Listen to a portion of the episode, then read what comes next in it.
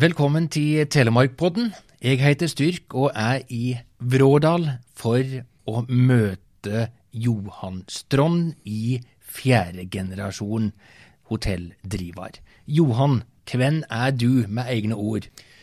Ja, jeg er jo akkurat som du sier du er Styrk, så er jeg Johan. Og det er vel det mesteparten av omgivelsene mine kjenner meg som.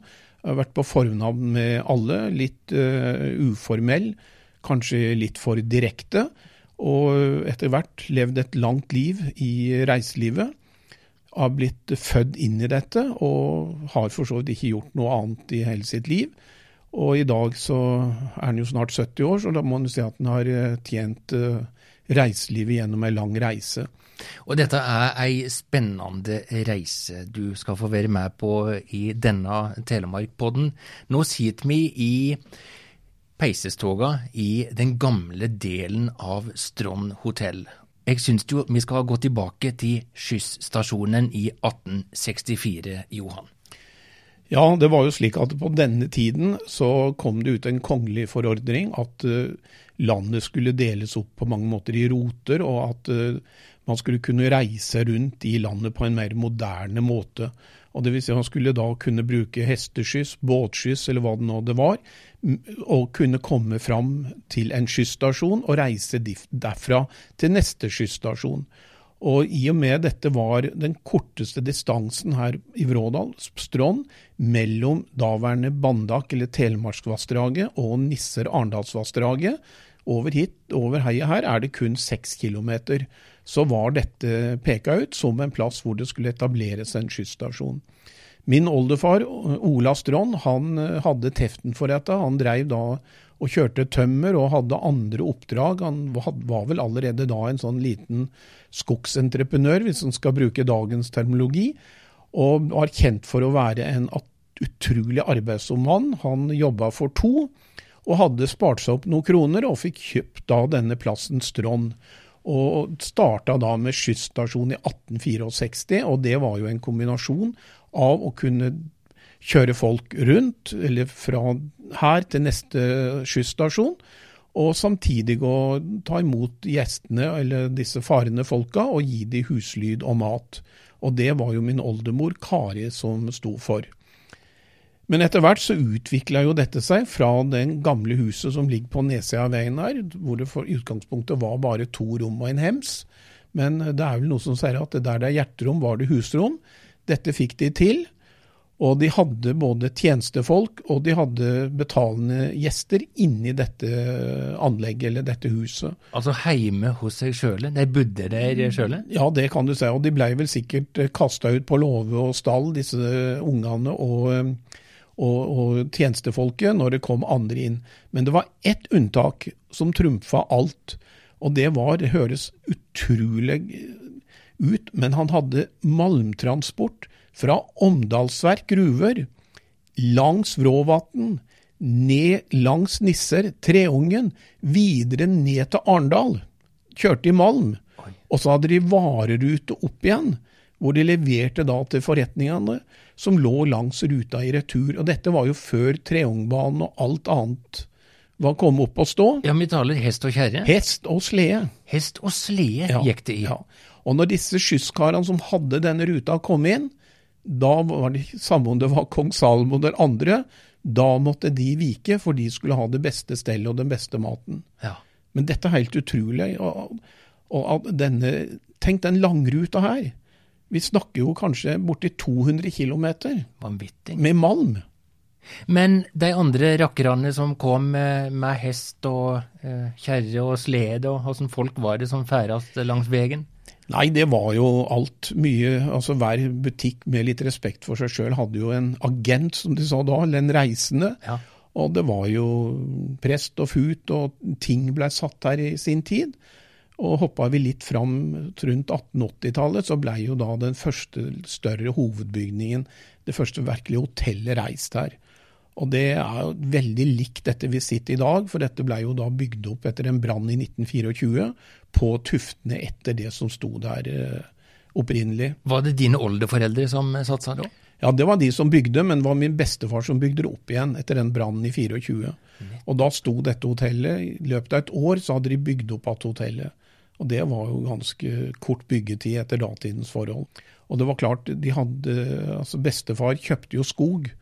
Og han, da var det jo slik når det brant her, så sendte han jo gjengen opp i skogen for å felle tømmeret. Drog det ned og fikk tørka det på en eller annen måte, og, og satte i gang og lødde det opp igjen. Men det første bygget det var kledd med klenning på utsida. Så derfor så ser det litt annerledes ut. Så peisestoga mi sitter nå var en stor del av det som var hele hotellet? Ja, det var det. Hvis vi går tilbake til slik som dette var nå i dag, så var dette en salong. Og så ser du litt lenger inn i rommet her, så er det et skille. Der var det peisestue. Og så hadde vi en spisesal, det var kjøkken, og så hadde bestefar et eget rom. Og bestemor hadde liksom et eget rom på dette planet her. Og så skjedde jo resten oppe i etasjene. og Opprinnelig så var det vel ca. tolv gjesteværelser her. Så det var jo ikke så svært, men etter datidens forhold så var det ganske stort og moderne. Og da blei mye ting og andre, andre samfunnsrelaterte ting de, de hadde sin møteplass her. Doktoren hadde fast dag i veka her, og det var på mange måter det du kanskje i dag eh, kalte et samfunnshotell. Så, så, de viktige samfunnsfunksjonene i bygda, eh, de skjedde på Strand? Ja, det gjorde det nok på den tida. Så var det nok her det skjedde av godt og vondt. Det var jo ikke alle som var like glad for det som skjedde her heller. For uh, med farens folk så kom det kanskje litt uh, mer uh, kontinentale eller andre vaner inn, og skikker og bruk. Og, og, det klarte klart det kunne nok gå ei kule varmt med både det ene og det andre. men og, og, på denne tida så var takhøgda i Vrådal veldig låg. På hvilken måte? Det er klart det var et veldig petistisk samfunn her. Og eh, her, når det kom reisende og det kom eh, Oldefar og bestefar hadde jo mye hest. Vi hadde jo sånn utgangspunkt en 12-14 hester på stallen til enhver tid, og det ble handla hest. Og det skulle vel litt sånn kjøpeskål til og litt slike ting. Så det er klart det er vel synd å si at eh, verken oldefar eller bestefar sleit ned dørstokken bort på bedehuset her. Var det ei tid med mye misunning, eh, tenker du? Nei, jeg tror ikke det var så mye misunning på den tida. Men Det var vel heller litt mer sånn uh, forskjell på folk. For det er klart at de var jo avhengige av familiens Strond, holdt jeg på seg. Altså det var jo her altså det var jo de som hadde brøyting, de hadde vedlikehold av vei og slike ting. Og de hadde også kommunikasjon, altså skysstasjon, senere buss. Altså skulle folk inn og ut, så måtte, var de avhengig av familien. Så eh, jeg tror ikke det var så mye misunnelse. Det var vel heller kanskje at de så litt annerledes på livet. Så Strond-familien har alltid vært høvdingfamilien i Vrådal? Nei, Det er vel kanskje litt drøyt å si, men men det er klart de har vært en viktig aktør i et lokalsamfunn. Det tror jeg nok vi skal være så ærlige og si at det har de vært. Dine besteforeldre, hva gjorde de utover å bygge opp igjen hotellet etter denne brannen? Nei, det er klart bestefar han var jo også en skogsentreprenør. Og han hadde jo da skysstasjon, som seinere ble bil og buss. Og i dag så er jo en avlegger av det, eller en del av det, det ble jo først Strond bilruter. Og så ble det jo slått sammen med et selskap i Fyresdal og Nissedal Treungen. Så ble det F1 bilag. Så ble det Vest-Telemark bilruter, og i dag er jo ei grein stammer jo herfra i Telemark bilruter. Jeg hørte gjete at eh, bestefar din var en tøffing og kjøpte den første bilen i Vrådal for 100 år siden, er det riktig? Nei, det er vel ikke helt riktig det. Det var vel andre som var før ute, men han var nok en av de første som kjøpte bil. Og han var i hvert fall den første som drev kommersielt med bil. Nettopp. Men bestefar han var vel aldri helt fortrolig med bil. Han sverga nok mer etter hest og syntes den var greiere å ha med å gjøre enn bilen. Ja. Og så var det jo litt slik at uh, bestefar han uh, tok seg noen turer av og til, da, og det var ikke sikkert han var like godt orientert for å finne hjemveien, men hesten fant alltid heim. det var grei Så det var veldig lettvint, vet du. Selv om du da uh, satt og duppa litt, så duppa du ikke bak rattet, men du duppa bak tømmene.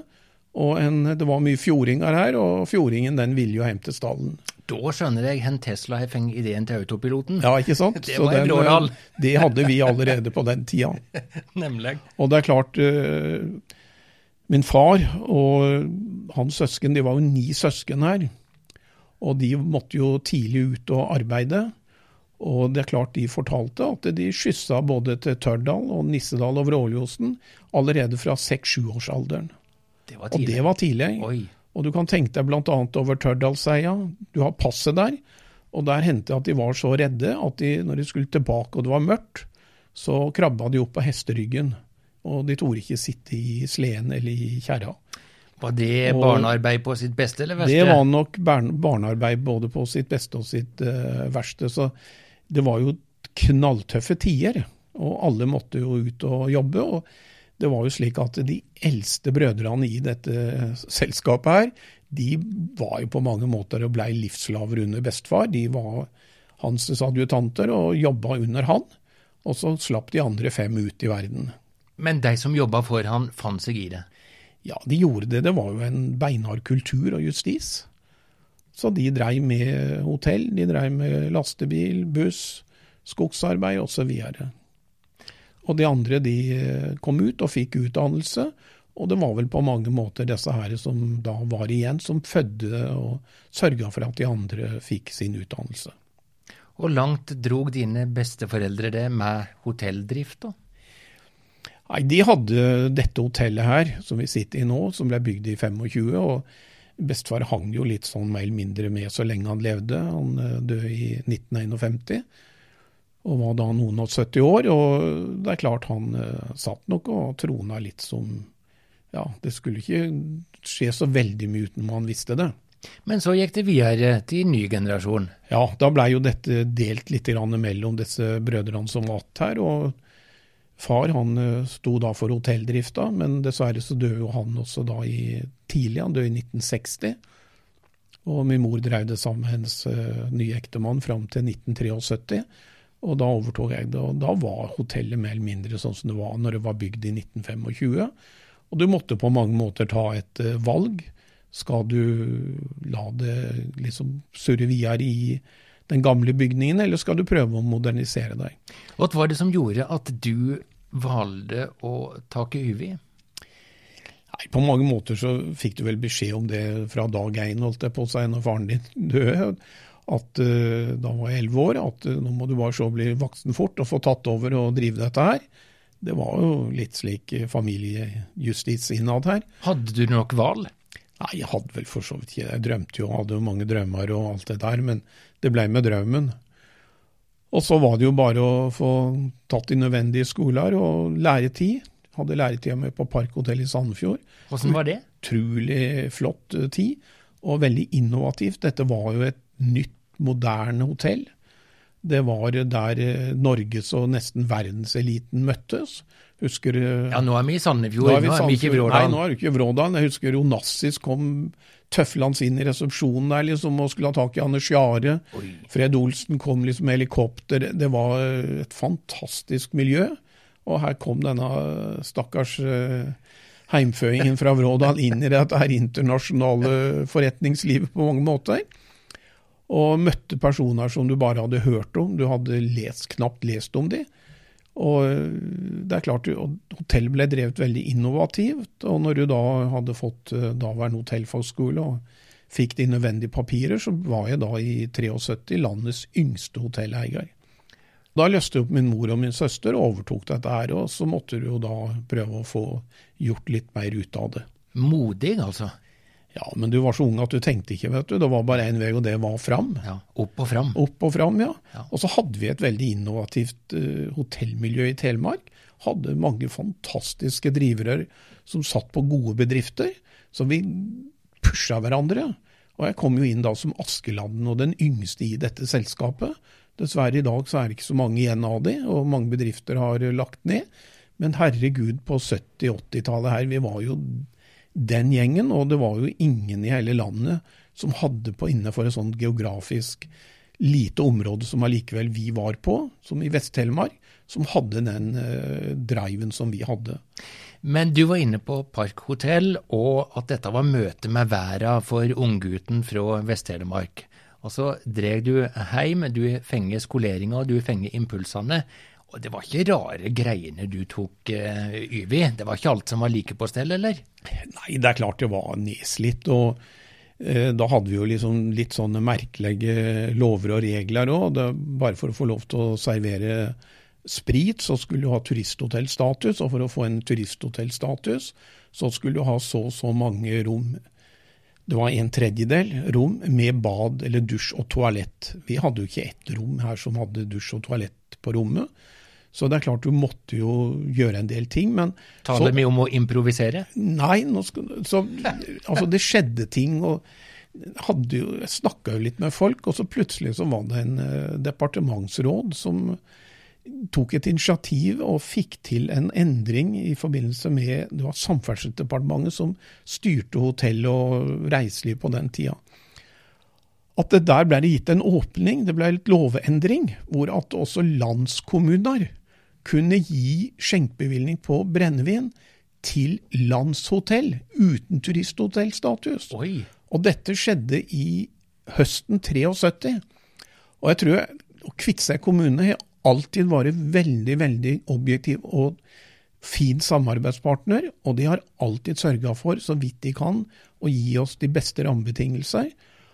Og jeg søkte da om å få denne kommunale skjenkebilen for brennevin, og blekket hadde vel knapt nok tørka på lovforslaget, eller etter at det ble vedtatt, og jeg fikk det. Og jeg tror det var det andre, første eller andre hotellet i landet som fikk kommunal skjenkerett for brennevin. Nei, så tøft. Og siden har vi alltid hatt de bevilgningene og de maksimalgrensene på det vi har eh, hatt fra kommunen. Men vi har også skjøtta dette på en ansvarsfull måte, uten å få i dag det de kaller prikkbelastning eller andre alvorlige anmerkninger. Hvem er det som har vært gjestene hos Dikon i Vrådal på Strand? Ja, Vi kan jo ta her vi sitter nå, hvis du ser litt eh, bak meg. Inni den gamle peisestua. Der kom eh, Knut Hamsun innom flere ganger. Oi. Og han satt der inne, og han var veldig sånn Han var jo en einstøing, og han ville ikke ha noe oppmerksomhet. Så han forlangte å få maten sin servert i et eget lokale. Helt alene? Helt alene. Og da ble døra lukt, og så ble vinduet åpna. Og så var jo kjøkkenet på andre sida av trehotellet her. Så da ble maten båret fra kjøkkenet utvendig rundt og gitt han inn gjennom glasset der. Så der satt han. Og jeg hadde, altså Tantene mine, jeg hadde fire av de da, de var veldig små av vekst. Og de eh, var eh, slik at eh, tante Tulla, som var den yngste, som vi kalte henne, hun, hun jobba mye hjemme i ferier og sånne ting, og hun sto da på ølkasse for å rekke opp til det vinduet når hun skulle servere han Knut Hamsun. Og så ser du en annen som henger på veggen her, det er jo en type som har vært innom her. Et stort bilde av Bjørnstjerne Bjørnson? Ja. Så det er klart, her var det alt fra disse store storhetene her, og til vanlige folk som tok sommerferien sin. Og det, og det, var, jeg vet ikke om du har sett den der danske serien som går nå, litt grann Badehotellet? Å oh, jau, det har jeg gjort. Det var litt på samme måte. De kom her fra Arendal, de kom fra Skien. Her kom det fabrikkarbeideren som jobba på daværende Nitriden på Hisøy. Det kom grossereren fra Skien, og du hadde både fabrikant fra Skiens såpefabrikk og gud veit hva. De kom hit, de møttes her, og de eh, fant hverandre i selskap. Og selvfølgelig, vi mangla han der pianisten, men, men altså, de var her faktisk hele sommeren. Tre uker i strekk, og kanskje lengre. De hadde sitt eget rom. De skulle ha samme rommet år etter år. Samme bord. Sine samme rutiner. Og dette er jo idyllisk å høre om. Reine badehotellet i Vrådal, de samme familiene kom att år etter år, sommer etter sommer. Og så var det noen slengere av folk som hadde bryllup og kanskje et minne som hver i ny og ne.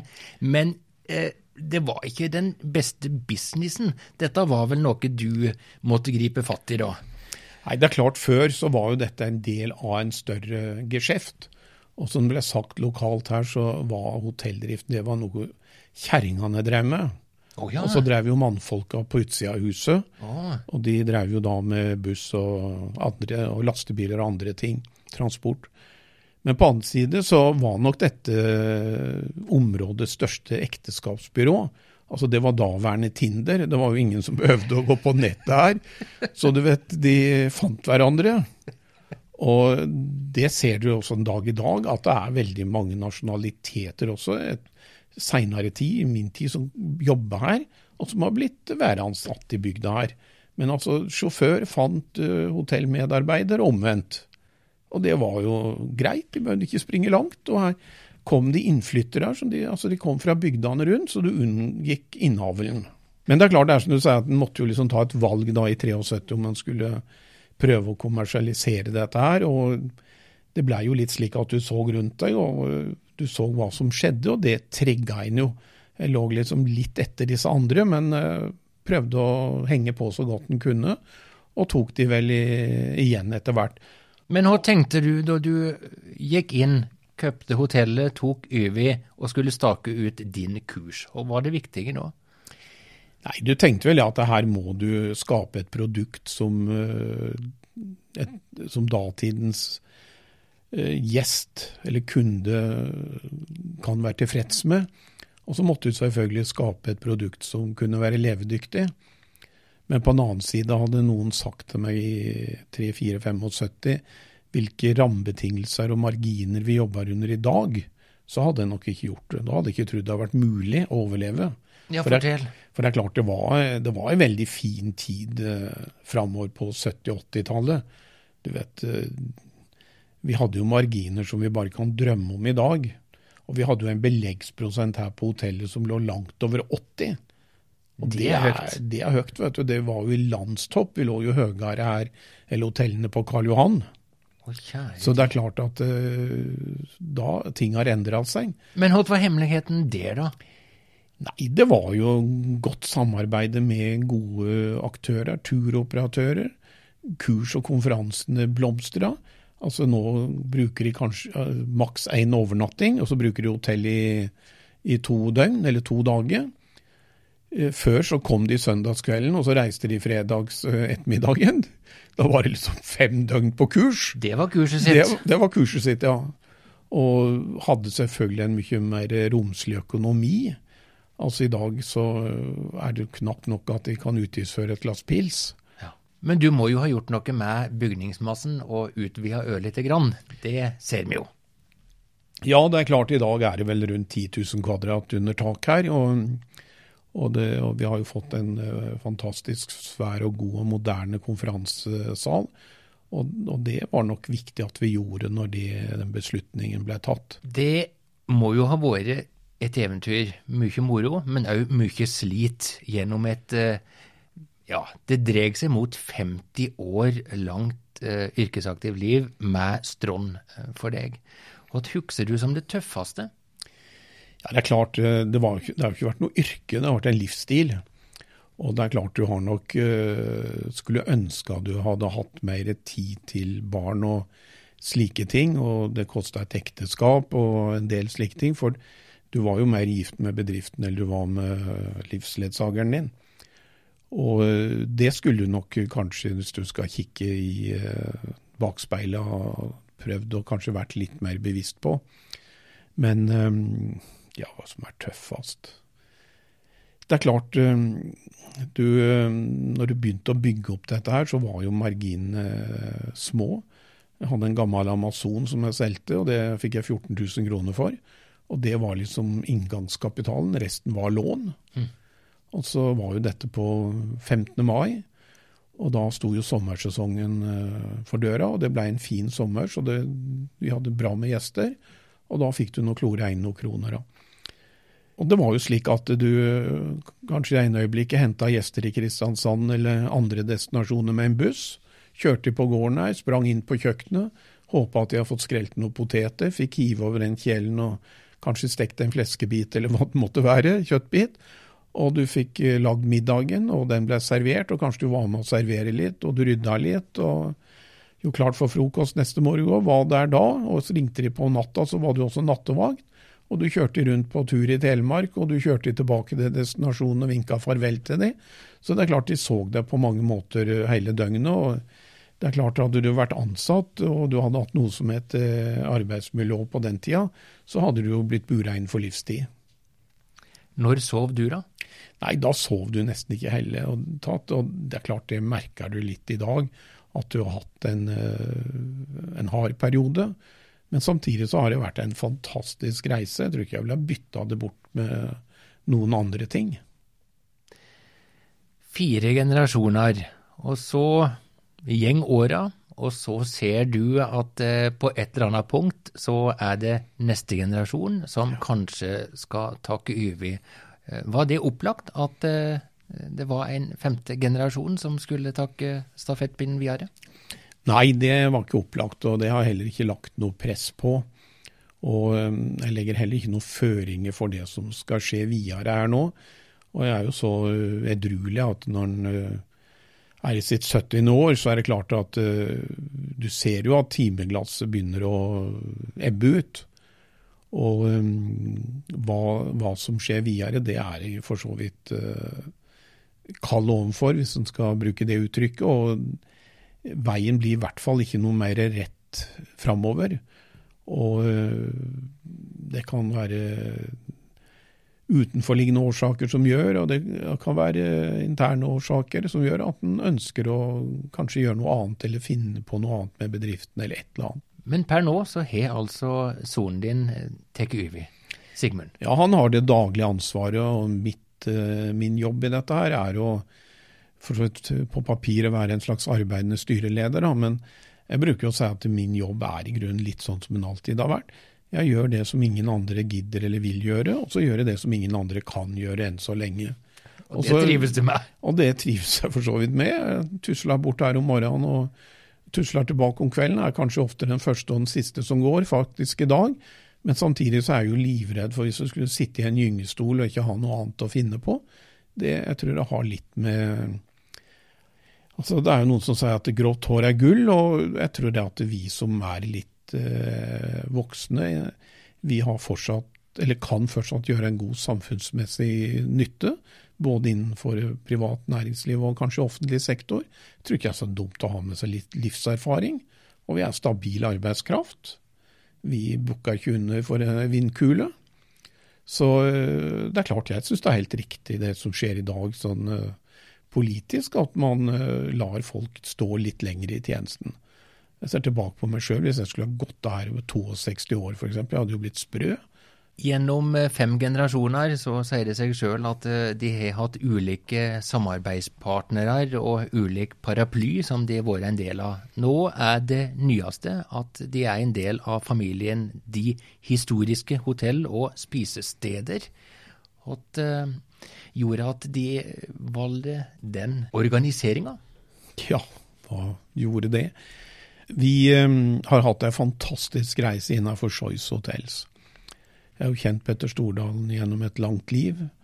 Fra nesten han uh, sprang rundt her oppe med foreldra sine og raserte hotellet til dag i dag. Og vi uh, kom i dialog, og han sier at uh, her må du være med, Johan. Og vi blei med da i når, opp, når han starta og lagde dette her for godt og vel 20 år siden. Og da var vi en relativt betydelig aktør i et lite system. Og etter hvert her nå så har jo Choice valgt en litt annen profil enn det vi representerer. Så derfor så valgte vi jo da å gå inn i historiske, og historiske består da veldig mange privat eide hoteller, kanskje primært bort på Vestlandet. Det er kollegaer og bekjente som vi har hatt gjennom lang tid, og kjenner oss igjen, mer igjen hos. Ditt ønske når du ser framover eh, for hotellet, for Strond, det hvis du skal velge på øverste hylle? Det er klart at eh, når du ser rundt det i dag, så er jeg jo sjeleglad at vi i det hele tatt har greid å holde koken. For det er jo veldig mange av disse innovative bedriftene som jeg snakka om på 70-tallet, som ikke er her i dag lenger. Men samtidig, så vi har jo et område rundt oss, og Vrådal er jo i utvikling. Og på mange måter så er det vel et generasjonsskifte her nå. Petter han er jo ikke noe tenåring bort på skisenteret lenger heller. Nå har vi fått golfbanen. Og det bør kunne ligge til rette for en videre utvikling. Og hvordan og hvorledes den retningen skal være, det er vel andre som kanskje må finne ut av. Men eh, med de rette kreftene og den rette ånden og spiriten, så tror jeg det er mulig at også det kan være hotell her om 100 år. Eller i hvert fall en reiselivsbedrift. Johan Strand, tusen takk for at du delte den spennende historien om eh, Strand. Styrk Fjærtoft, Strand.